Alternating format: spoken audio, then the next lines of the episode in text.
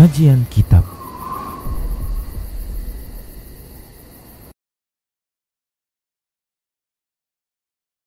Assalamualaikum warahmatullahi wabarakatuh.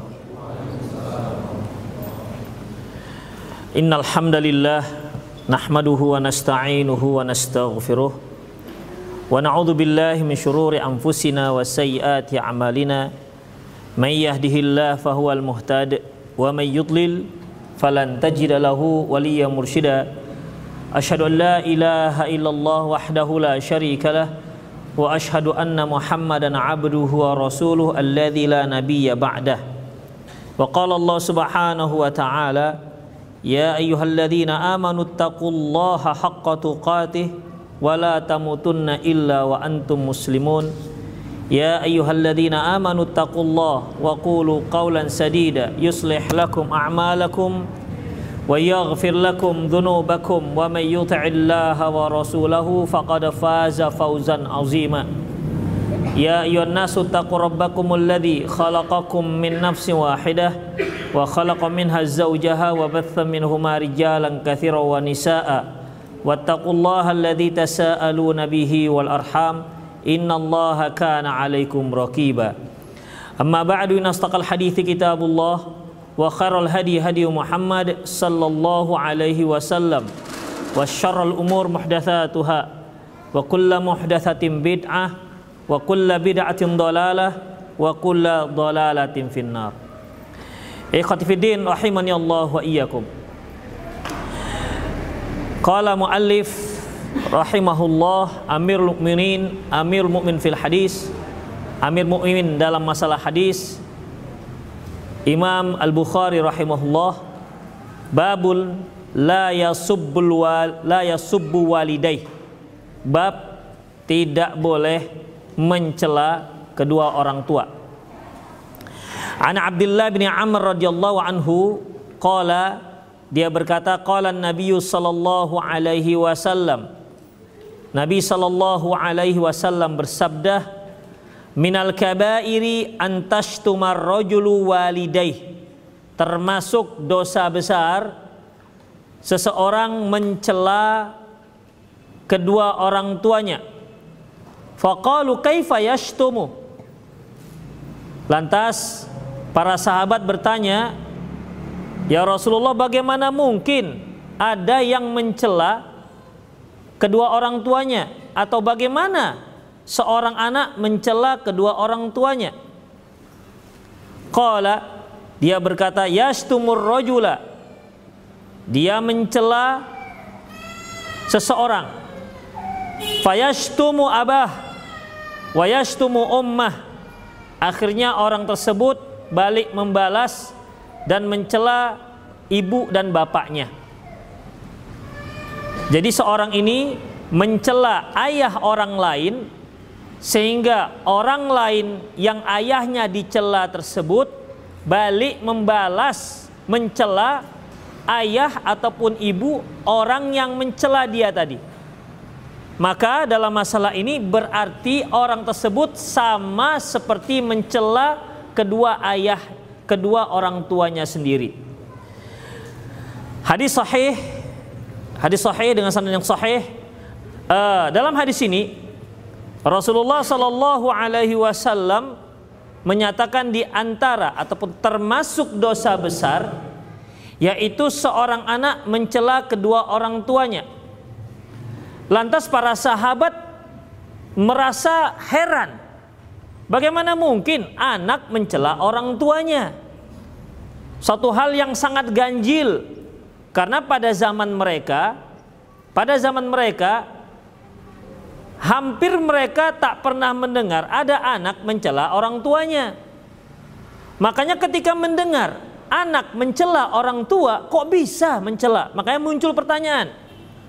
Beda halnya kalau ucapan ini diucapkan pada zaman kita sekarang, di zaman now ini.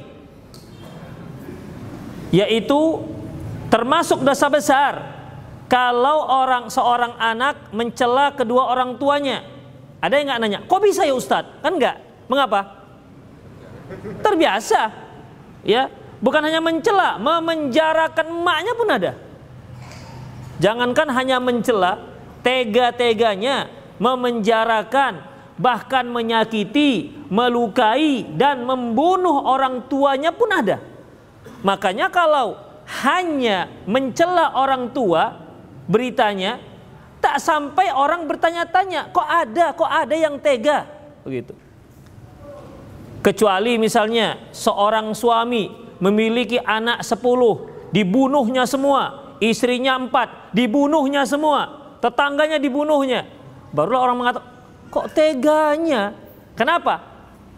Ganjil dan sangat jarang terjadi. Ini berarti ada kelainan. Oleh karena itulah ikhafiddin, dari hadis dapat kita rasakan bahwasanya memang zaman Rasulullah hampir dikatakan tak ada orang yang mencela orang tuanya. Makanya muncullah pertanyaan, "Kaifa yashtum?" Ya Rasulullah, bagaimana kalau bagaimana mungkin seorang anak mencela orang tuanya? Lantas Rasulullah menceritakan mencela orang tuanya dengan cara seperti ini. Bukan langsung dia mencela, "Eh, bapak hitam, bapak pendek." Enggak. Tapi dia dengan cara apa? Yashtumu abar rojuli fayashtumu abahu wa yashtumu ummar rajuli fayashtumu ummahu dia cela ayah orang orang itu balik membalas mencela ayahnya dia cela ibu seseorang orang tersebut balik membalas mencela ibunya maka dalam masalah ini berarti orang tersebut sama seperti mencela ibunya sendiri walaupun dia lakukan dengan secara tidak langsung Allah wa iyyakum. Berarti orang tersebut ataupun si anak menjadi penyebab hingga orang tuanya sendiri dicela. Dalam Islam ikhwatifiddin merupakan agama yang saddu melakukan ditetapkannya ditetapkannya tindakan preventif semua perkara yang diharamkan dan yang menjurus kepada yang diharamkan dilarang dalam Islam.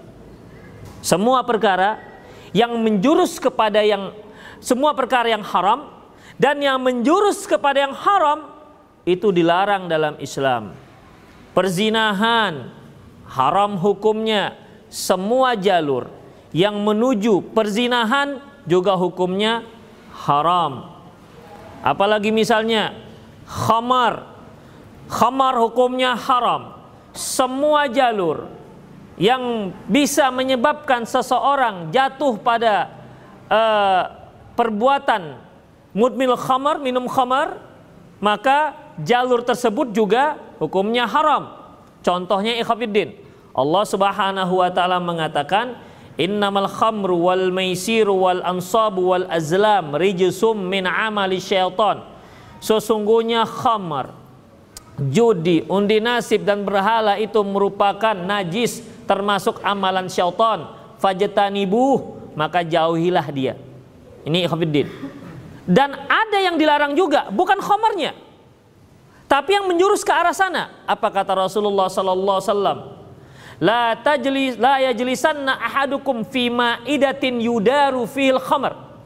Janganlah salah seorang kalian duduk di hidangan yang di situ ada khamarnya. Kenapa demikian ikhwatiddin? Awal-awalnya kita tidak suka dengan khamar. Ternyata ketika kita makan ada khamar nengkreng di situ. Jadi akhirnya lama kelamaan terbiasalah kita makan dan minum, di situ ada botol khamar walaupun tidak diminum. Lama kelamaan bisa saja kita menjadi ingin merasakannya. Makanya Khofiddin tindakan preventif luar biasa istimewanya Islam. Seluruh perkara yang dilarang dan seluruh perkara yang menjurus kepada yang dilarang itu dilarang dalam Islam, termasuk ini. Ya, mencela kedua orang tua ini perkara merupakan perkara yang dosa besar dan tidak ada satu agama pun yang membolehkan mencela kedua orang tua. Dalam Islam tidak hanya itu. Yang menjurus, baik penyebab, apalagi yang mengucapkan, itu juga diharamkan. Jika penyebabnya penyebab yang akhirnya orang tuanya dicela. Demikian ikhwafiddin. Ini dikatakan tindakan preventif. Apa kata Ibnu Battal? Hadalah hadis aslun fi saddi. Hadis ini merupakan pondasi dasar ya kaidah adanya tindakan preventif saddu dzara'i wa yu'khadhu minhu anna man alahu fi'lahu ilal muharram yuhramu alaihi dzalikal amal. Dari sini diambil bahwasanya disimpulkan segala perkara yang dapat menjurus kepada yang diharamkan maka perbuatan itu menjadi haram juga. Contohnya ikhwatiddin. Ketika diharamkannya zina. Zina diharamkan. Allah Subhanahu wa taala melarang juga fala takhda'na bil qaul janganlah kalian janganlah kalian uh, mendayu-dayukan suara kalian wahai kaum wanita. Karena apa? Bisa menjurus ke arah sana. Demikian juga Rasulullah sallallahu alaihi wasallam bersabda, "La yakhluwanna rajulu bi imra'atin ajnabiyatin illa thalithuhuma syaitan." Tidaklah dua orang sepasang laki-laki dan perempuan yang bukan mahram berkhalwat berdua-duaan kecuali yang ketiganya setan kecuali yang ketiganya setan. Karena apa? Akan menjurus kepada perzinahan. Itu ikhwafiddin. Perzin penjurus semua yang menjurus tikat dalam Islam. Itu ikhwafiddin. Apalagi misalnya ikhwafiddin rahimanallah wa iyyakum misalnya pembunuhan. Pembunuhan hukumnya haram. Ya, pembunuhan hukumnya haram.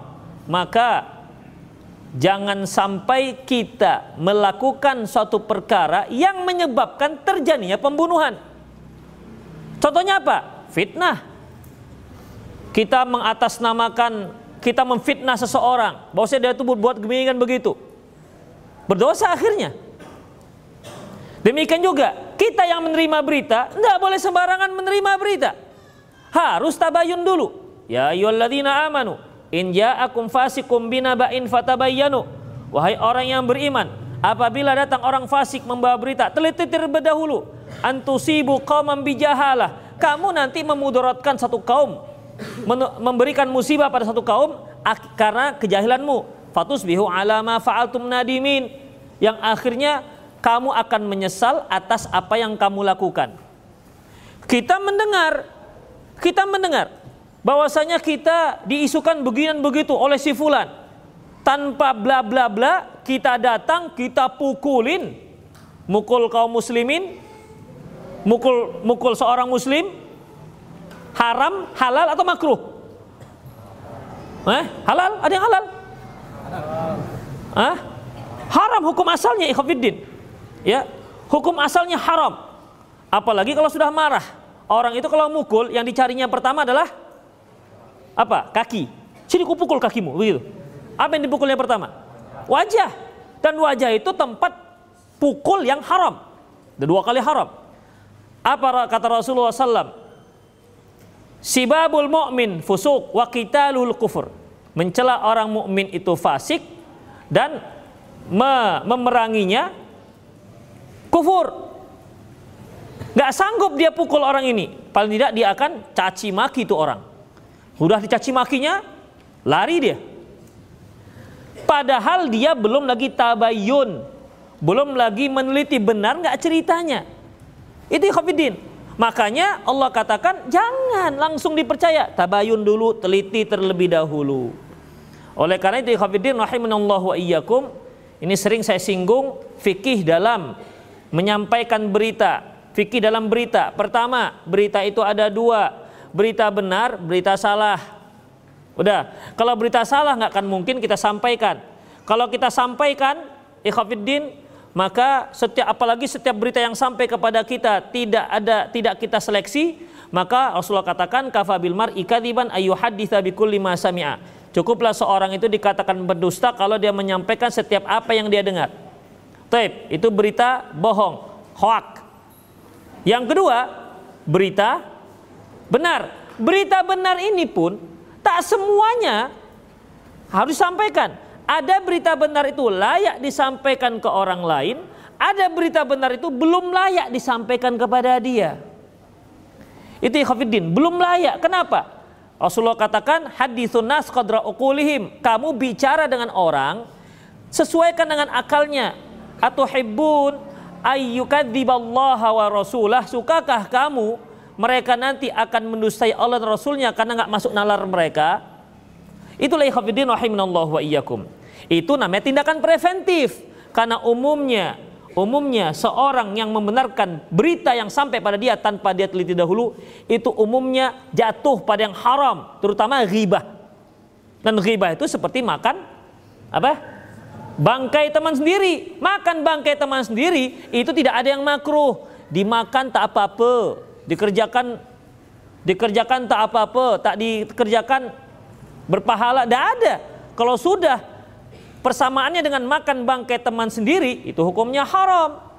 Itulah ikhafidin, namanya tindakan preventif. Itulah Islam, agama yang luar biasa. Hingga membuat manusia yang ada dalam Islam, pemeluk Islam, kalau dia melaksanakan syariat Islam, dia akan tenang dia akan tenang. Ketika dia lihat ini ada orang yang mencurigakan. Alah nggak boleh suzon, tenang dia. Coba dia muncul suzonnya. Lewat dengan lewat berpasangan teman, teman itu mukanya masam. Dalam hati itu, kok sombong kali dia. Baru tiga kali ngaji, sudah sombong seperti itu. Macam-macam bergejolak dalam hatinya. Rupanya dia baru tengkar dengan istrinya. Orang nggak tabayun dulu. Makanya Oh mungkin dia ada masalah. Oh mungkin. Makanya Khafidin orang yang husnuzon itu tenang hatinya. Tapi janganlah Khafidin husnuzon kelebihan. Sudah jelas orang masuk ke dalam rumahnya tanpa permisi. Oh dia itu mungkin ada perlu. Iya silakan silakan silakan pak silakan masuk. Selesailah. Ya itu kelewat namanya. Ada batasnya juga ikhafidin rahimahullah wa iyyakum. Taib kita lanjutkan. Jadi itulah dia. Jadi semua perkara yang bisa menjurus kepada yang haram maka hukumnya menjadi tetap haram. Wa illam yaqsud ila ma yuhram. Walaupun tujuannya bukan untuk melakukan yang haram. Seperti tadi Ikhafiddin. Rasulullah melarang duduk di hidangan yang yudaru fil khamar, yang di, diedarkan khamar. Apakah tujuannya minum khamar? Enggak.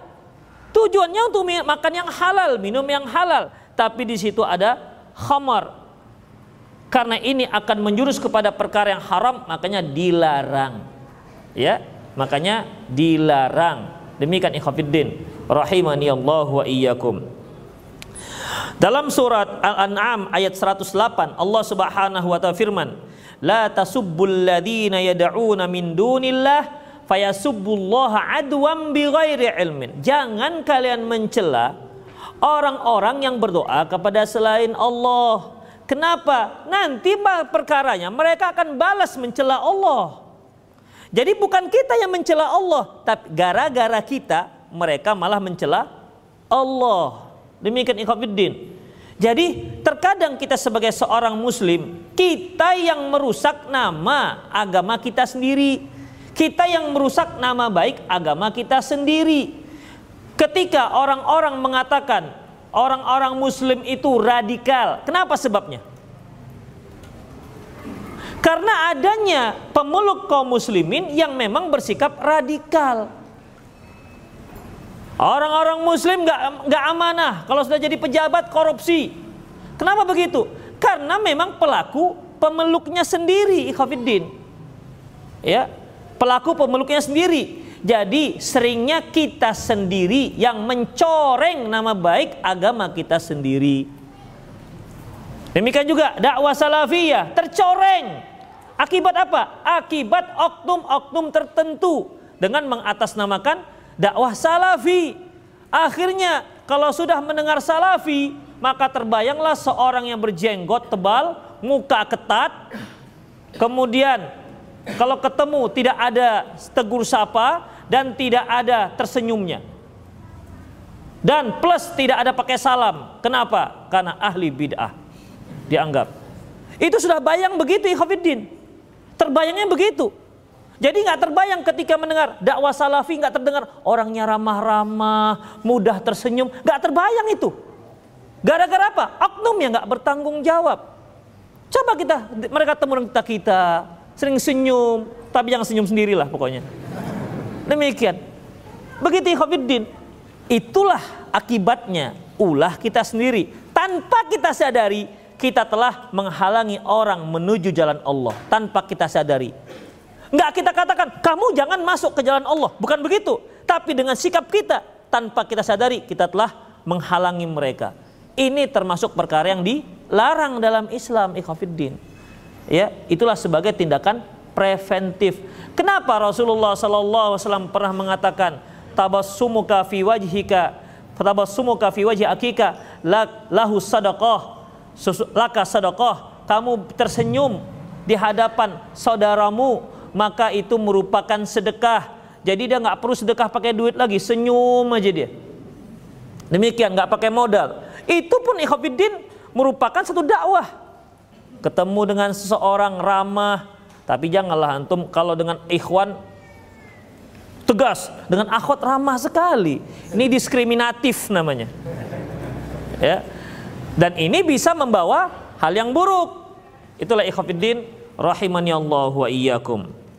Baik. La tasubbullah, la tasubbul ladina yad'una min dunillah. Jangan kalian mencela orang yang mencela orang yang uh, mendoa berdoa kepada selain Allah fa yasubbullah adwam bighairi ilmin. Nanti mereka akan membalas, akan mencela Allah sebagai tanda permusuhan tanpa ilmu yang ada pada diri mereka. Jadi ngawur lah istilahnya ikhafidin. Ya. Jadi ngawur. Mengapa?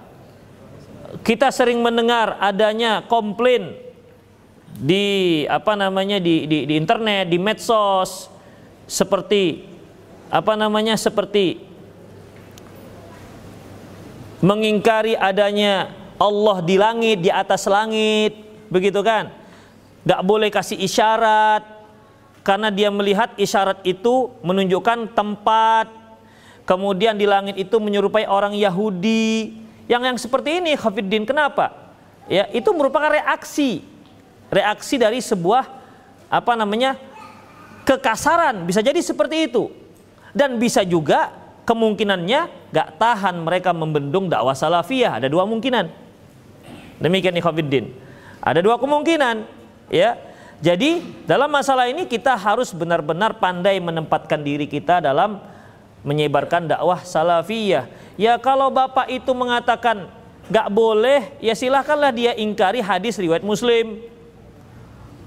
Seorang hamba saya perempuan datang dibawa dibawa oleh tuannya karena dia tadinya sebelum di, di, ditampar oleh tuannya, menyesal tuannya. Lantas dia ingin memerdekakan hamba sahayanya ini datang. Coba dia kamu bawa kata Rasulullah. Rasulullah bertanya, "Man ana? Aina Allah?" Allah fi sama. Allah di langit sampai sambil menunjuk, sambil menunjuk ikhwatiddin. Kemudian, "Wa man ana?" Siapa aku? Anda adalah Rasulullah. Apa kata Rasulullah? Atiqha fa innaha mu'minah. Merdekakan dia. Sesungguhnya dia mukmin. Rasulullah nggak ada mengingkari ininya. Ya, Rasulullah nggak ada mengingkari ininya. Rasulullah juga nggak mengingkari bahwasanya Allah di langit, di atas langit. Itu ya khafidin rahiminallah wa iyyakum. Oleh karena itu, ya kita harus mengetahui bahwasanya di antara syariat Islam adalah tindakan preventif atau saddu dzara'i dalam istilah Arabnya. Ikhwatifidin rahimani wa iyyakum. Berkata Al-Mawardi apa kata beliau? Man'ul bai' thawbul harir fi man yatahaqqaqu annahu yalbisuhu wal asir mimma yatahaqqaq annahu yattakhidhu khamran. Terlarangnya dari hadis yang di atas, para ulama itu punya kejernihan pikirannya luar biasa ya, pandangannya jauh. Dalam sekali dia mereka melihat hadis ini. Diambil satu kesimpulan bahwasanya dilarangnya menjual menjual baju ataupun kain sutra jika si penjual tahu bahwasanya yang membelinya itu laki-laki dan akan dia pakai. Dan dilarangnya menjual asir perasan uh, perasan uh, buah-buahan jika si penjual tahu bahwasanya si pembelinya akan membuat itu menjadi khamar. Itu namanya tindakan preventif. Padahal jual jual jus boleh nggak? Ah, boleh. Jual sutra boleh. jual emas boleh. Ikhwatiddin. Jual pisau boleh, jual pedang boleh, jual kelewang. Begitu kok. Jual kelewang boleh. Tetapi di saat kita mengetahui ini benda yang kita jual kepada dia, kita bisa pastikan dia akan gunakan untuk kemaksiatan, maka kita terlarang menjualnya. Dia kita jual pisau, berbagai macam jenis pisau. Bang, mana pisau yang paling tajam? Ini. Ini kalau ditusukkan terasa nggak ya kira-kira? Begitu. Terus kalau ditusukkan, diangkat, dicabut, bisa tertarik usus-ususnya mana nih? Oh ini. Eh, mau ngapain bang? Mau kutikam dulu bapak itu gitu. Dia jelas-jelas mengatakan, artinya kan jelas, ikhwafiddin. Kalau sudah jelas seperti itu, maka tak boleh menjual pisau itu kepada orang yang punya niat buruk tadi itu. Namun tidak juga antum mewawancarai. Pak, mobil pisau itu apa Pak? Pisau. Untuk motong, eh motong apa itu? Motong leher orang, leher leher ayam apa ini? Ya leher ayam lah Pak. Ayam siapa? Ya Allah. Ya tentunya ini juga nggak dibolehkan ikhwafiddin. Ya kita juga nggak disuruh untuk diwawancarai seperti itu. Tapi jual daleman boleh nggak? Misalnya bra, bikini, boleh nggak? Boleh nggak? Boleh. Banyak tuh di pasar-pasar jual jual bra, jual bikini. Tapi apakah yang penjual ini ketika tanya, Bu maaf Bu ya, ini dipakai di mana Bu? Mau ibu pakai di pantai Bali atau gimana? Dulu kan pantai Cermen kan pantai Bali. Gimana? Ya enggak lah pak, ya di, di rumah lah, masa begitu. Berarti boleh Salahuddin. Dan nggak perlu nanya-nanya juga. Kecuali antum jual benda seperti ini di pinggir pantai, di sini banyak turis yang memang pakainya itu. Berarti jelaslah dia beli ini untuk dipakai. Mungkin dari negaranya sana punya dia sudah hitam. Kan nggak mungkin yang hitam dia pakai sambil berjemur. Dia belilah yang seragam, yang kotak-kotak lah, yang bunga-bunga lah seperti Hawaii. Demikian. Berarti nggak boleh jualan di situ. Kenapa? Sudah jelas pasti akan digunakan, dipakai di di pinggir pantai begitu, ikhafidin. Padahal pada asalnya boleh kan? Demikian ikhafidin, rahimanallahu wa iyyakum. Itu namanya tindakan preventif. Kemudian dari hadis ini juga dapat diambil kesimpulan lain ya bahwasanya seorang murid boleh bertanya kembali kepada sang guru jika ada satu ilmu yang disampaikan oleh si guru yang tidak jelas. Ya.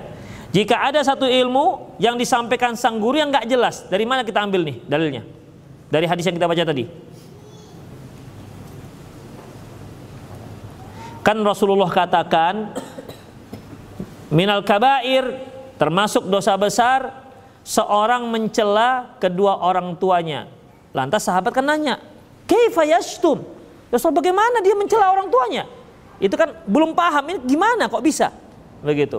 Artinya ikhwafiddin tandanya seorang murid boleh bertanya tentang sesuatu yang tidak jelas bagi dia. Boleh dia tanya ulang. Ustadz, tanya, tadi Ustadz bilang begini, saya belum jelas. Atau ada syubhat. Ustadznya mengatakan begini, setahu dia setahu setahu sepengetahuan dia begini. Itu gimana Ustadz? Silahkan tanyakan untuk menghilangkan syubhat tadi itu. Itu hak si murid dan itu hanya untuk murid-murid yang memang ingin meningkatkan wawasannya. Yang tidak, ya nggak masalah bagi mereka. Ya, udahlah, nggak paham, nggak apa, nggak masalah kali lah. Begitu, Ikhwafiddin. Taib.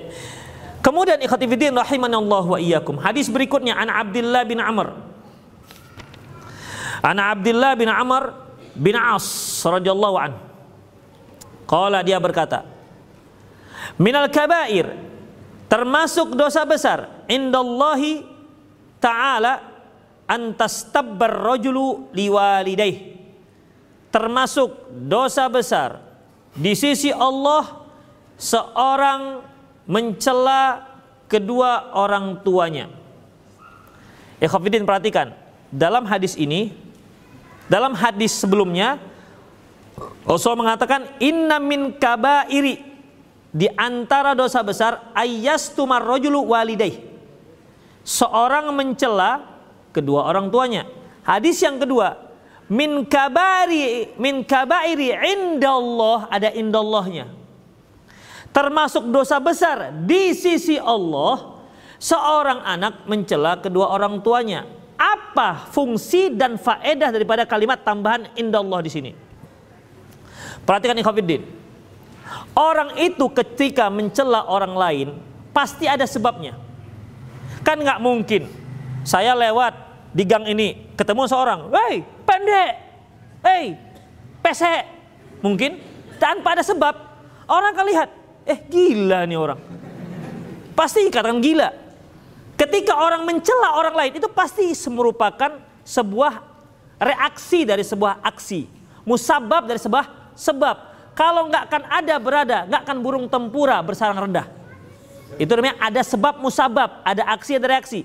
Seorang ketika mencela orang lain, ini biasanya ada sebab. Umumnya, kalau dia tiba-tiba mencela tanpa sebab, itu bisa dipastikan dia itu kurang ampernya.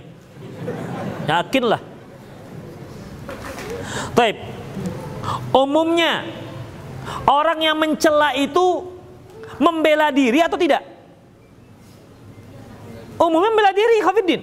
Misalnya sakit kali hatinya, disindir-sindir. Lantas dia mulailah mencela. Kamu itu, lisanmu itu pedas, dasar gak punya. Mau bilang otak, segan pula saya. ya. Dasar gak mikir. Tentu kan setelah dia ingin membela dirinya, ya, ingin membela dirinya. Atau mungkin dia tahu salah. Tapi ketika ada orang yang menasihati dengan cara yang tidak baik, dia protes. Memang aku salah, tapi janganlah saya dibeginikan. Protes dia. Ya, protes. Itu artinya Khafidin sedang membela diri. Baik, seorang anak mencela orang tuanya. Kira-kira apa ketika bangun tidur si anak, kemudian nengok bapaknya, bapak begini. Gitu. Pasti ada ada masalah antara dia dan orang tuanya. Mungkin karena dia merasa orang tuanya nggak memberikan haknya, atau mungkin warisannya tak sama, atau mungkin apalah dia merasa orang tua menzolimi, atau mungkin ada hal-hal yang lain sehingga dia celah orang tuanya. Orang tua macam apa ini? Nah, begitu. Itu sering saya dengar, Hafiddin. Orang tua macam apa ini? Kenapa? Dia tidak senang dengan tingkah orang tuanya. Tapi ikhafiddin itu semua apa pun alasannya apabila seorang anak mencela orang tuanya apa pun alasannya mau membela diri atau apalah namanya maka itu tetap termasuk dosa besar makanya min kabairi indallah termasuk dosa besar di sisi Allah bukan di sisi orang yang mencela kalau orang mencela menurut dia dia sedang membela diri karena dia merasa sedang terzolimi. Makanya indallah di sisi Allah. Itulah ikhwafiddin rahimani Allah wa iyyakum. Allah Subhanahu wa taala firman wala tah wa tahsabunahu hayyinan wa huwa indallahi azim. Surat Nur ayat 15. Mereka menganggap celaan orang tua, mereka menganggap itu suatu perkara yang hayinan. Hayinan itu apa namanya remeh temeh. Wahwa indallah ya azim, padahal di sisi Allah itu suatu hal yang besar. Makanya indallah ini perlu. Ya, indallah ini perlu. Oleh karena itu Khafiddin, walau apa pun alasan si anak, baik dia merasa terzolimi ataupun tak terzolimi, atau apalah yang terjadi, dia nggak merasa senang dengan apa yang dilakukan orang tuanya, merasa orang tua tidak adil pada dirinya, lantas dengan alasan itu dia mencela orang tuanya, ini termasuk dosa besar di sisi Allah. Kalau ditanya si anak pasti dikatakan enggak lah, memang orang tua macam dia ini cocok di celah-celah. Begitu dia. Demikian ikhwatiddin rahimani Allah wa iyyakum. Taib, ketika ada berita si anak memenjarakan, mentindak, mengkriminalisasi orang tuanya yang sudah tua, akhirnya orang tua dipenjara. Kira-kira si anak merasa dia dia yang terzolimi atau orang tua telah menzolimi dia? Hah? Dia merasa telah dizolimi oleh orang tuanya. Kenapa? Pisangnya diambil. itu.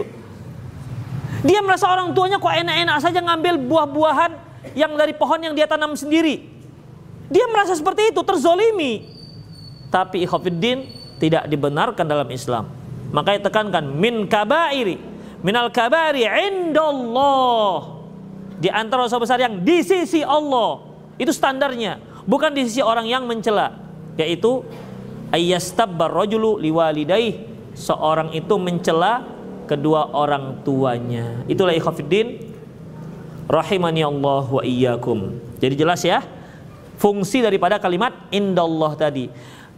Oleh karena itu Imam Al-Bukhari mencantumkan dua ini. Ada tambahan indallah. Supaya tidak ada alasan bagi si anak untuk mencela kedua orang tuanya. Taib ikhatifiddin rahimani Allah wa iyyakum. Kita lanjutkan satu bab lagi. Babun uku babu uqubati uquqil walidain. Bab hukuman bagi orang yang durhaka terhadap kedua orang tuanya. An Abi Bakrata anin Nabi sallallahu alaihi wasallam qol dari Abi Bakrah dari Nabi SAW dia berkata ma min dzambin ajdaru ay yu'ajjala li sahibihi al uqubatu ma'a ma yuddakharu lahu min al baghi wa qati'atir rahm tidak ada satu dosa pun yang paling cepat mendatangkan azab bagi si pelakunya di samping azab yang sedang di, menunggunya di akhirat melebihi dosa al-baghi. Baghi itu tindakan yang melampaui batas atau kezaliman. Dikatakan zalim yaitu menempatkan sesuatu yang tidak pada tempatnya. Itu zalim namanya. Misalnya antum punya celana dalam, antum letakkan sebagai kopiah, itu zolim namanya. Karena bukan itu tempatnya. Ya. Al-baghi ikhafidin melebihi batasan dia. Ya, melebihi batasan dia. Seorang suami dia boleh memukul anaknya. Ketika dia lihat anaknya sudah berusia 10 tahun belum juga sholat. Tapi Ketika dia lihat anak tetangga 10 tahun gak sholat kemudian dia pukul juga itu bagi namanya. Ya, melebihi batasan wewenang dia. Nah demikian. Atau lebih enaknya al-baghi itulah kezoliman. Makanya Rasulullah katakan az-zulmu zulumatun yaumal qiyamah. Kezoliman itu akan membuat kegelapan di hari kiamat kelak. Tidak ada satu perkara yang dapat mempercepat datangnya hukuman, mempercepat datangnya bala di dunia di samping hukuman yang sedang menunggunya di hari akhirat melebihi orang yang bagi, yang zalim dan qati atau rahmi dan yang memutuskan tali silaturahminya. Yang memutuskan tali silaturahminya. Ikhwafiddin dari hadis ini kita dapat pahami bahwasanya seorang yang memutuskan tali silaturahmi atau yang berbuat kezaliman maka di samping hukuman yang akan Allah timpakan kepada dia di dunia di akhirat juga akan menanti dia. Artinya ikhwafiddin hukuman yang ditimpakan kepada dia tidak berarti akan menghapuskan hukuman dia nanti di hari akhirat. Contohnya, Hafidin, apabila seorang yang membunuh orang lain, lantas dia pun dibunuh di kisos, jadi kisos, ya, yang membunuh dibunuh, dia pun menjalani hukuman kisos. Taib, apakah dia nanti akan dihukum nanti di hari akhirat akibat pembunuhan yang dilakukan? Enggak lagi. Kenapa? Karena dia sudah menjalaninya. Itu khafiddin rahimani Allah wa iyyakum. Seorang yang berzina dia sudah berumah tangga, dirajam sampai mati. La yahillu damimri'in illa min salasin. Tidak halal darah seorang muslim disumpahkan, ditumpahkan kecuali tiga hal. Athaibuz zani, yang dia sudah berumah tangga tapi tetap berzina. Dia sudah punya istri, tapi dia tetap berzina. Ya, satu hal yang akhirnya membuat hukumannya sangat berat. Dia punya istri, tapi kenapa berzina? Dia sudah punya tempat untuk menyalurkan kebutuhan biologisnya. Dan Islam juga memberikan solusi. Baik, wahai kaum suami, kalau kalian tidak cukup satu, tambah satu lagi. Kan begitu. Fankihu ma tabalakum minan nisa. Nikahi wanita itu dua, bukan satu dulu, dua. Ya, dua. Makanya antum yang lajang-lajang pikirkan dulu dua. Dua. Tiga atau empat. Tapi fa in khiftum alla ta'dilu, kalau kalian khawatir tak adil fawahidah, maka satu saja. Jadi yang lajang-lajang juga jangan pikirkan dua dulu. Kenapa? Satu aja belum dapat. Demikian ikhwafiddin. Sudah satu baru menimbang-nimbang. Bisa nggak adil? Kalau nggak adil cukup satu saja. Tape. Allah memberikan syariatnya, menurunkan syariatnya, memberikan solusi. Ya, kalau memang kamu merasa belum cukup satu, silahkan dua. Karena pernikahan itu tidak bisa aku lihat, aku dekat, aku sikat, aku minggat, nggak bisa seperti itu. Ya, dia tetap ada hak dan kewajiban. Tetap ada hak dan kewajibannya. Taib, silahkan kamu menghalalkan seorang wanita silakan dengan akad pernikahan yang sah. Tapi tetap ada konsekuensinya, ada nafkah, ada pendidikan, ada tanggung jawab sampai di hadapan Allah Subhanahu wa taala. Begitu ikhwatiddin. Ini malah mencari jalan dengan jalur yang diharamkan yang tidak membedakan dia antara kambing dan dia. Jadi ikhwatiddin makanya marah Allah Subhanahu wa taala. Kamu ini sudah diberi satu malah masih cari dengan cara yang haram. Kenapa nggak nikah lagi? Makanya hukumannya dirajam, diikat tangannya ke belakang, ditutup matanya, ditanam sampai sepinggang, dilempar rame-rame sampai mati. Itu Hafidin, lempar sampai rame sampai mati. Kalau nggak mati mati juga matikan terus. Lempar terus sampai mati, harus mati. Ya, nggak bisa, udah setengah mati, seperempat mati, nanti dulu istirahat. Enggak. ya, harus sampai mati itu ikhwafiddin an-nafsu bin nafsi yang membunuh orang lain. At-tariku lidinihi wal mufariqul jamaah. Mereka yang meninggalkan agamanya dan memisahkan diri dari jamaah kaum muslimin. Maksudnya keluar dari Islam. Itulah ikhwafiddin rahimani Allah wa iyyakum. Jadi orang-orang yang memutuskan tali silaturahmi apa yang dikatakan tali rahim ini? Tali rahim adalah ikhwafiddin yang ada hubungan rahim dengan kita kita dengan ibu, ibu dengan kita, kita dengan ayah, ayah dengan kita. Ibu dengan suaminya gimana? Bisa nggak diputus? Bisa diputus dengan cara cerai. Kalau memang alasannya syar'i. Ya. Seorang istri boleh minta cerai dari suaminya kalau alasannya syar'i, kalau tidak lam yari rihatal jannah, dia tidak akan mencium bau surga. Itu solusi dalam Islam ikhwatiddin. Suami istri bisa putus, tapi bisakah seorang anak memutuskan hubungannya dengan ibunya? Haram hukumnya ikhafiddin. Makanya ikhafiddin bagi antum yang pernah gagal dalam pernikahan pertama atau kedua, ketiga, akhirnya pisah sementara pasangan mantan pasangannya itu sudah punya anak dari dia, maka jangan sekali-sekali menghasut anaknya untuk membenci ayah atau ibunya Misalnya kalau si anak bersama ayah, jangan sekali-sekali menghasut untuk membenci ibunya. Kalau si anak bersama ibunya, jangan sekali-sekali dia menghasut anak yang membenci ayahnya. Kenapa? Antara anak dan ayah itu tak bisa diputus. Kalau dia hasut sehingga anaknya benci pada ayahnya, berarti dia mengajarkan anaknya durhaka kepada ayah. Oh tapi susahlah itu Ustadz, itulah dia maka ikhwafiddin. Salah satu resikonya. Ya, salah satu resikonya. Makanya sebelum mencari pasangan, tengok-tengok dulu, cari yang benar-benar klik. Itu dia. Tentunya yang pertama yaitu agamanya, bukan fisiknya. Ikhafidin rahimanallah wa iyyakum. Ya, itulah dia hadis beliau hanya menyampaikan menyebutkan satu hadis. Artinya di sini ikhafidin bahwasanya seorang yang melakukan kezoliman dan memutuskan tali silaturahmi termasuk antara adik dengan abang, abang dengan kakak itu nggak diboleh diputus. Ya, Itu juga sebagai peringatan bagi para istri. Kalau dia nggak tenang dengan ipar-iparnya, jangan dia hasut suaminya untuk membenci kakak atau abangnya. Kalau seandainya sampai terpisah antara kakak dengan abang gara-gara hasutan si istri, maka si istri ikut andil dalam dosa memutuskan tali silaturahmi.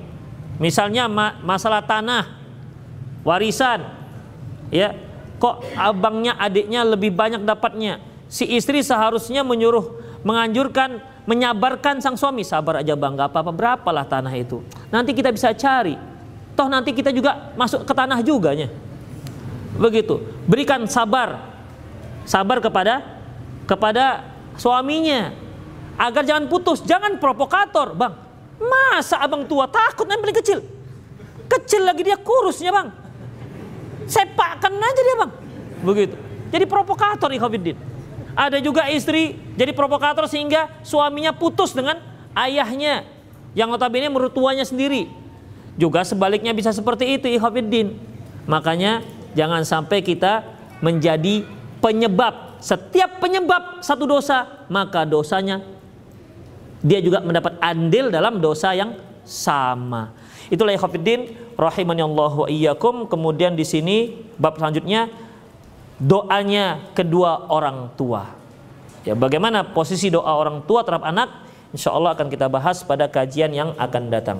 Aku lu qouli hadza li wa lakum wa muslimin innahu wal ghafur.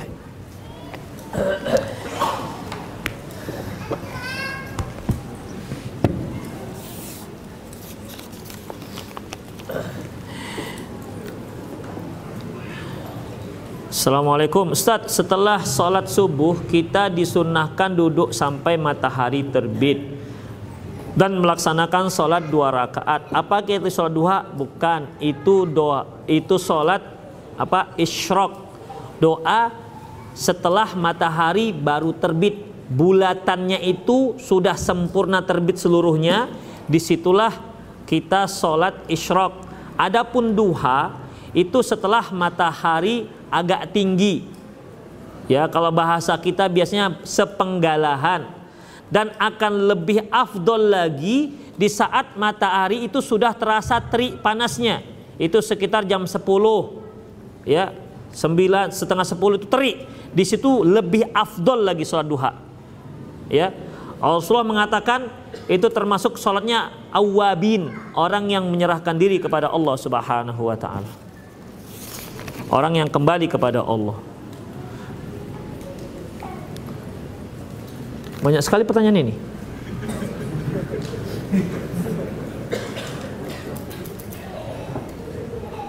Bagaimana tentang halal haram air seni unta? Mohon penjelasan Ustadz tentang sujud tilawah, sholat apakah yang ada waktu tertentu? Ya Allah, saya ambil satu aja lah ya. Yang saya suka menjawabnya. Bagaimana tentang halal haram air seni unta? Ikhwafiddin, perhatikan. Air seni unta itu merupakan obat panas Madinah. Ini disebutkan dalam hadis diriwayatkan oleh Imam Bukhari. Ada dua orang datang kepada Rasulullah dan beli uh, dan orang dua orang ini melaporkan ataupun mengadukan tentang sakit yang sedang dia derita, demam yang sedang dia derita. Lantas Rasulullah Shallallahu Alaihi Wasallam menyuruh dia untuk pergi ke untanya Rasulullah. Di sana ada pengembalanya. Rasulullah punya unta dan di sana sekaligus ada pengembalanya. Lantas minta dari dia air kencing unta dan minum. Akhirnya dua orang ini pun minum air kencing unta dan sembuh. Setelah sembuh, dia curi unta Rasulullah. Dia bunuh pengembalanya dan lari. Makanya dikejar oleh Rasulullah. Dikejar oleh Salamah bin Aqwa yang larinya paling kencang di kota Madinah. Dan dapat.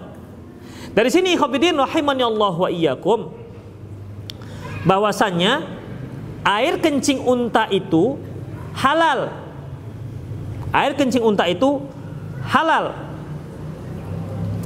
Kalau seandainya haram dengan alasan karena itu merupakan air ampas ataupun termasuk kotoran seninya air seninya unta, Rasulullah mengatakan bahwasanya Allah tidak menjadikan perkara yang haram itu menjadi obat. Oh, ini mungkin darurat, tidak ada darurat terkait dengan pengobatan. Ingat, tidak ada darurat terkait dengan pengobatan. Yang ada darurat itu ikhafiddin yang bisa dipastikan. Dipastikan nyawanya terancam. Dipastikan agamanya terancam. Dipastikan hartanya terancam. Dipastikan akalnya terancam. Dipastikan keturunan terancam. Maka ini mas, masuk dalam darurat. Tapi dipastikan. Misalnya dipastikan nyawanya terancam. Dia sangat lapar sangat haus, tidak ada makanan yang hal lainnya. Yang ada di hadapannya itu hanyalah sepotong daging babi. Dalam masalah ini maka ad-daruratu tubihul mahdurat. Yang namanya darurat itu bisa membolehkan yang dilarang. Mengapa demikian ikhwatiddin? Karena bisa dipastikan. Karena obat lapar itu adalah makan. Kalau antum lapar, makanlah. Saya bisa pastikan akan menghilangkan rasa lapar. Kalau antum haus, minumlah. Saya bisa pastikan akan menghilangkan haus atau mengurangi rasa haus. Tapi kalau anta, kalau antum pusing, antum pusing, makanlah obat misalnya, apa misalnya? Panadol. Pasti antum bisa mengatakan akan menghilangkan rasa pusing? Hah? Tidak. Makan puyer bintang tujuh pasti. Kalau antum ikut iklannya iyalah begitu diminum langsung weh. Namanya ikut iklan. Nggak bisa dipastikan. Yang namanya pengobatan itu tidak bisa dipastikan. Misalnya antum sakit diabetes, sudah pergi ke ke dokter Fulan, Fulan, sudah pergi ke Penang, ke Amerika, ke Belanda, sampai ke Vietnam. Misalnya, nggak ada obat, hingga akhirnya antum disarankan untuk pergi ke dukun. Ada itu orang pintar. Oh iya pintar kali dia. Iya. Gimana pengobatannya? Bawa bengle. Kemudian ayam hitam dengan ayam putih. Dengan air tujuh sumur. Benang tujuh rupa. Dengan satu siung bawah putih. Dan dan bawang tunggal itu biasanya. Dan ayam hitam. Ayam hitam itu nggak boleh ayam hitam yang kepalanya itu merah. Ayam hitam yang kepalanya juga hitam kulitnya. Khusus. Kemudian jeruk purut, jeruk purut naga. Kan ada jeruk purut naga itu. Kemudian dikunyah Pak Dukun inilah benglenya.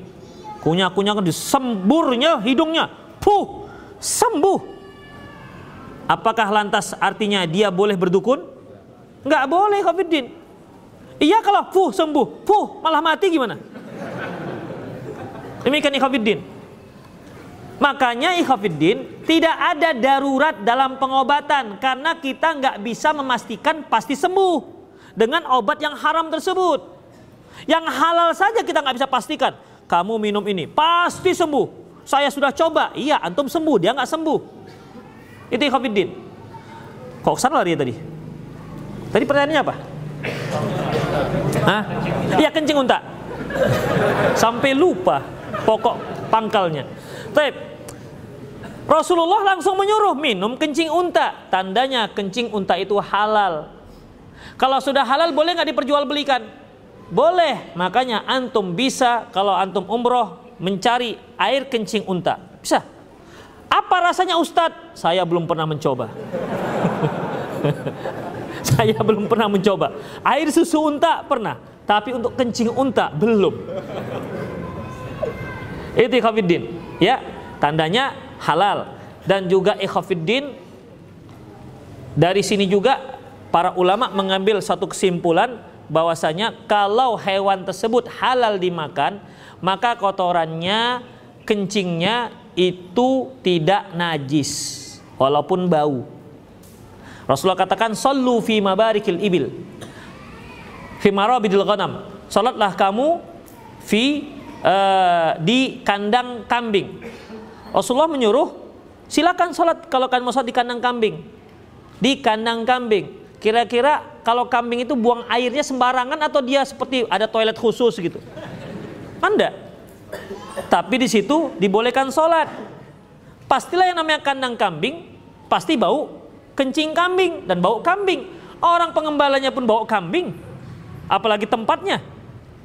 Tapi boleh sholat. Tandanya sementara kita sholat salah satu syaratnya harus bersih, suci, pakaian dan tempat. Tandanya air tandanya e, kotoran kambing itu tidak najis. Jadi Ustadz boleh dimakan. Siapa suruh antum makan? Tidak semua yang enggak tidak semua yang suci itu apa antum harus makan. Itu ada kerikil depan itu makan. Begitu. Gak ada hubungan dengan makan. Yang jelas dia itu suci. Tetapi jika memang jelas ada faedah setelah penelitian apabila antum makan tiga butir kotoran kambing bisa misalnya ini misal tapi jangan jangan mencatat betul ini misal nanti lagi ngantuk-ngantuk oh obat pening kata ustad atau obat kuat. Dicarinya tetangga. Pak minta kotoran kambing. Untuk apa? Adalah rahasia. Dari ustad padahal dia dengar ngantuk. Contoh misalnya.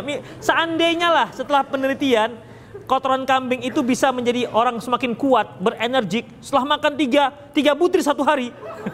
semakin apa namanya semangatnya membaja misalnya. Misalin, ingat misal ya, misal. Maka boleh. Karena itu bukan bukan najis. Demikian ikhwatiddin. Udah nggak usah panjang-panjang kali lah bahas masalah itu. Anak mau tanya, jika anak sekolah di sekolah negeri mau tidak mau ada yang namanya mata pelajaran kesenian di mana diajarkan masjid diajarkan di mana dia musik.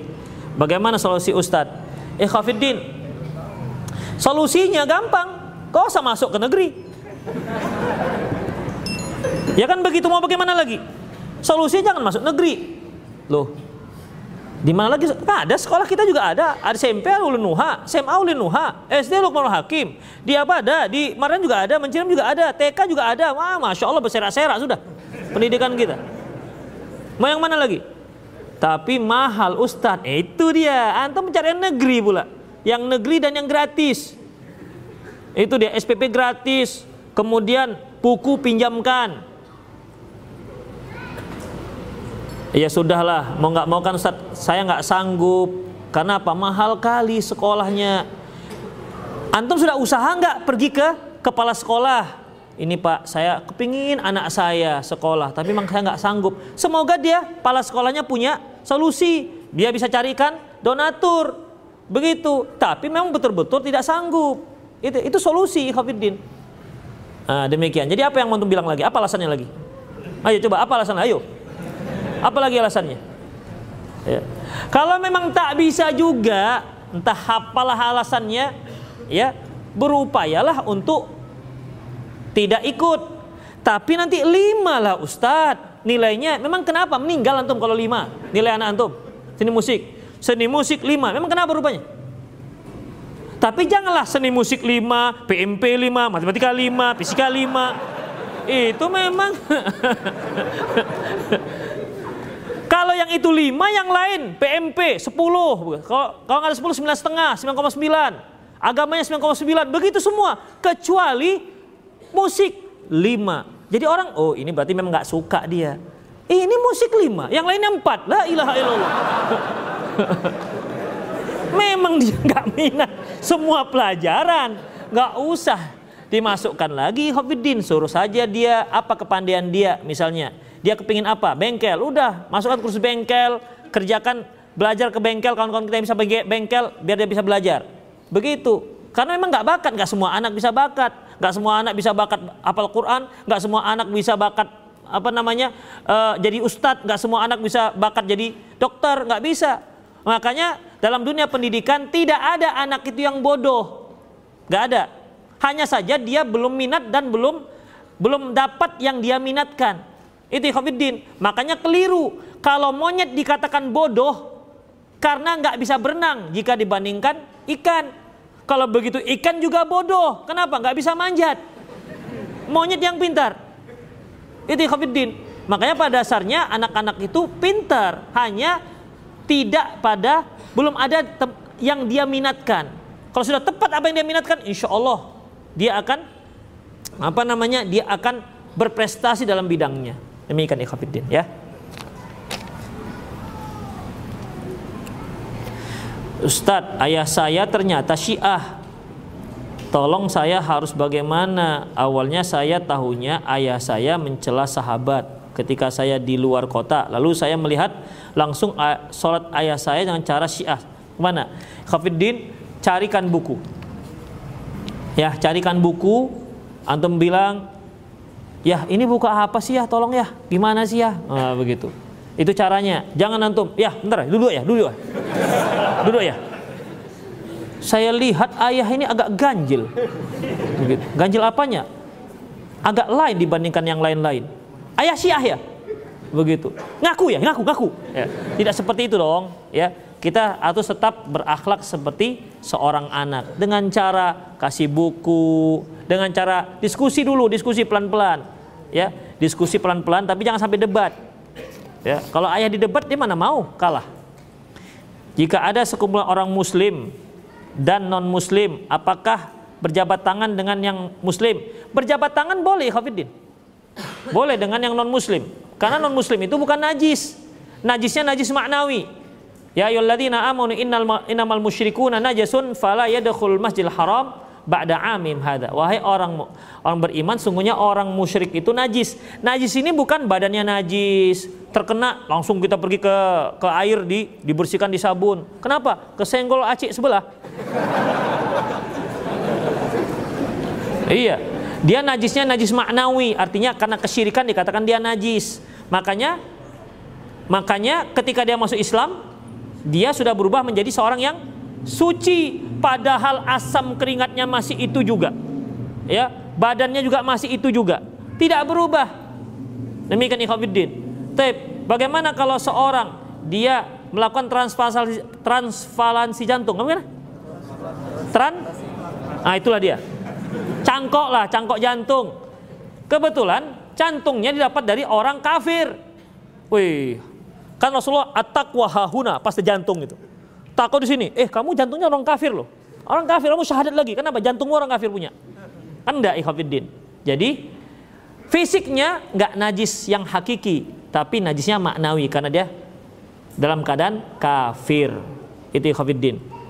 Jadi silakan jabat tangan.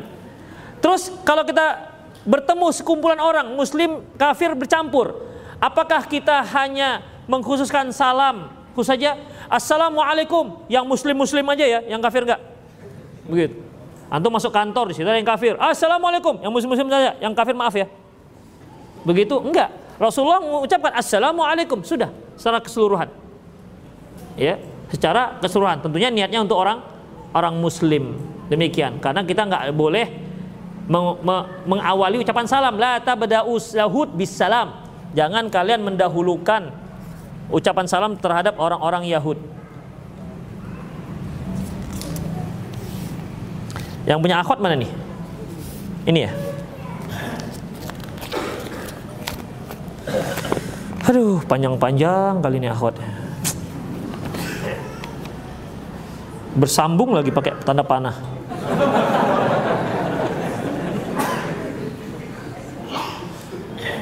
Apakah ada karma nggak ada karma dalam Islam. Satu lagi Ustadz, apa yang harus dipilih antara karir yang akan meningkatkan meningkatkan namun harus meninggalkan orang tua dengan karir yang lambat dan begitu-begitu saja namun tetap bersama orang tua. Ikhafiddin eh, keadaan orang tua izin tetap terlihat keadaannya orang tua izin tapi terlihat berat. Ikhafiddin tetap bersama orang tua karena bersama orang tua itu lebih berkah. Ya lebih berkah. Siapa yang mengatakan kalau bersama orang tua karirnya akan begitu-begitu saja? Siapa yang bisa memastikan? Kan nggak ada yang kita bisa pastikan ikhwafiddin. Ya nggak ada seorang pun di antara kita yang bisa memastikan. Itu Allah subhanahu wa ta'ala yang punya kerja. Kalau dia jauh dari orang tua akan melejit karirnya. Siapa bilang kak melejit? Bisa melejit sebentar jatuh terpuruk bisa Makanya dengan orang tua pilihan itu ikhwafiddin. Meniti karir gak wajib, sunnah pun gak. Ya, gak wajib sunnah pun gak, sunnah muakat pun gak. Adapun meminta ridho orang tua hukumnya wajib. Saya kepinginnya dua-dua ustadz. Kalau begitu pandai-pandailah melobi orang tua, ya, melobi, menenangkan hatinya, meyakinkan dia, hingga akhirnya dia rela melepaskan anaknya walaupun harus berlinang air mata. Bisa Khafiddin, ya kan?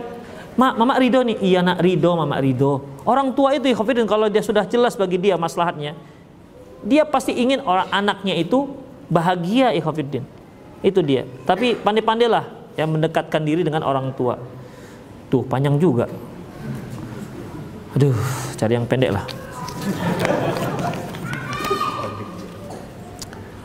Apakah seorang menjauh atau mem memutuskan tali satu rahim tidak ada komunikasi dengan seorang yang dulu pernah dia sukai. Karena seseorang itu sedang proses hijrah apakah dia diperbolehkan? Pertanyaannya ini Khafidin intinya apakah dia dulu pernah menyukai seorang? Karena ini seorang pertanyaan akhwat berarti ikhwan dong yang dia sukai. Masa akhwat juga? Ya kalau dia ini nggak termasuk kelompok LGBT dia menyukai seorang ikhwan udah apakah diperbolehkan putus komunikasi ya dengan ikhwan yang pernah dia sukai tersebut karena dia dalam proses hijrah.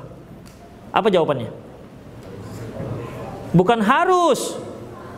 Oh, itu wajib tuh. Wajib. Kenapa ya Khafiddin? Karena tidak memutuskan komunikasi dengan orang yang dia sukai. Namanya juga ingat, catatannya lelaki yang dia sukai berarti kan sudah ada tumbuh tunas cinta dalam hatinya yang sedang bersemi dan ini berbahaya kalau tidak atas dasar ikatan tali pernikahan. Ini tunas ini kalau dibiarkan, tunas ini biasanya dia akan semakin berkembang dan akan munculkan tunas-tunas berikutnya. Itu akan pemupuknya adalah komunikasi, Khafidin. Semakin intens dia dalam berkomunikasi, maka tunasnya ini pun akan berkembang dan akarnya juga akan semakin menghunjam. Jika sudah terjadi seperti itu, sulit dicabut. Ya, sulit mencabutnya. Kenapa? Akarnya, kalau sudah cinta ikhafidin, itu akarnya akar tunggang, bukan serabut. Perlu antum ketahui. Itu berdasarkan pengalaman-pengalaman orang. akarnya tunggang loh, bukan Buktinya apa Ikhafidin? Kalaupun dicabut sudah menikah dia, kemudian bertemu sekian puluh tahun berikutnya, 40 tahun kemudian, eh ketemu eh Fulan, eh Fulan kok masih muda ya, gak tua-tua. Masa sih, makaci, sudah lari dia, amper langsung lari. Langsung berbisik setan. Suamimu saja nggak pernah mengatakan kamu awet muda. Coba mantan kamu begitu perhatian dengan kamu, nggak perhatian dengan suamimu itu. Belum lagi ketika dia mengatakan hanya ngirimkan happy birthday to you. Udah, wih masya Rasanya dalam. Yang tunas tadi, tunas tadi itu yang tinggal akarnya yang itu menumbuhkan tunas baru akhirnya. Makanya jangan sampai tunas itu terlalu berkembang. Dia kalau pohon ini terlalu besar ke bawah, dia di bawah juga otomatis semakin menancap. Makanya kalau dalam proses hijrah, jangan komunikasi. Komunikasi itu bisa memupuk dan tunas itu yang tadinya layu dengan berkomunikasi dia bisa akan semakin segar bugar. Jadi gimana? Putus. Tapi gimana Ustadz sudah kadung suka doa kepada Allah. Ya Allah, ya Allah karena ini cinta ini adalah cinta monyet dan monyet yang sedang bercinta.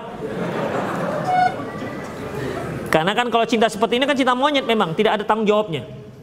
Ya kan? Cinta-cinta seperti ini kan hanya hanya kalau bahasa Medan sur-suran aja. Ya asik-asikan aja. Tidak ada tanggung jawabnya. Tak ada hak dan tidak ada tanggung jawabnya. Yang ada hak dan tanggung jawab itu setelah per pernikahan. Makanya sudah putuskan dan doa kepada Allah semoga Allah membersihkan hati kita. Semoga Allah bisa mencabut semua akar-akarnya. Dan ketahuilah wahai akhwat kalau memang dia jodoh anti ketahuilah bahwa asam di gunung ikan di laut ketemunya dalam priok buat sampadeh. Biar tahu dong gak akan ke mana-mana. Jangan takut kehilangan dia. Jangan takut. Ya. Mantaroka lillah abdalahu Allahu khairum minha. Barang siapa yang meninggalkan sesuatu karena Allah, Allah akan tukar dengannya lebih baik dari dia. Itu janji Allah Subhanahu wa taala. Kalau mantan anti itu orangnya kecil, kemudian agak menghitam, nah, anti tinggalkan. Karena kalau sudah namanya cinta, kan love is blind. Cinta itu buta. Enggak menengah melihat lagi mau pendek, mesmekot, ada cerita. Kalau sudah namanya cinta itu semua indah terlihat. Pendek, masya Allah mungil. Begitu dia. yang pendek terlihat mungil. Kalau yang besar bukan gaboh, tapi masya Allah laki yang bertanggung jawab, pernah besar nampak dari badannya. Tapi coba nggak suka kita. Kalau nggak suka, yang kecil alah pendek kali, yang besar gaboh dibilang. Nabi juga nggak suka. Itu ikhwafiddin. Udah tinggalkan saja putus komunikasi, doa kepada Allah. Kalaupun ada sisa-sisa akarnya, doa kepada Allah semoga Allah membersihkannya. Karena hati itu milik Allah Subhanahu wa taala. Jangan takut dan jangan khawatir. Jodoh itu nggak akan ke mana jika memang anti punya jodoh. Tuh ya kalau nggak ada Allah katakan nggak ada gimana? Mau bilang apa? Ustadz, teman saya sekolah hobi sekali bicara kotor. Bolehkah saya temani? ya, eh Khafiddin. Rasulullah mengatakan bahwasanya matalu jali sesoleh kamasali uh, kamasali sahibil kir wa hamil misk wa hamil misk wa sahibil kir. Permisalan orang yang berteman berteman itu seperti orang yang berteman dengan penjual minyak wangi dan pe, pandai besi. Kalau minyak wangi itu kan imma ayyuh diaka au tuba au tabta'u minhu au tajidu rihatan uh, tayyibatan. Kamu dapat minyak wanginya, imma kamu beli atau kamu diberi hadiah atau minimal kamu mencium aroma wangi. Demikian juga kalau kamu berteman dengan pe, apa namanya pandai besi, imma ayyuhriqa saubahak saubak saubahu dia terbakar bajunya ya orang yang berteman dengan api itu pasti terbakar Fafiddin makanya kalau orang mau tahu orang merokok nggak merokok tengok bajunya ada nggak yang bolong? Kalau dia bolong dua kemungkinan tukang las atau merokok ya ya kemudian Kalaupun dia nggak terbakar bajunya, minimal dia mencium bau yang yang busuk. Itu ikhwatiddin rahimanallahu wa iyyakum. Ya karena sudah jam 6 lewat 10, akhwat-akhwat juga akan pulang ke rumahnya. Demikian ikhwatiddin, semoga apa yang kita sampaikan bermanfaat. Lebih dan kurang mohon maaf. Aku lu qauli hadza wa astaghfirullah li wa lakum. Walisal muslimin innahu ghafurur rahim.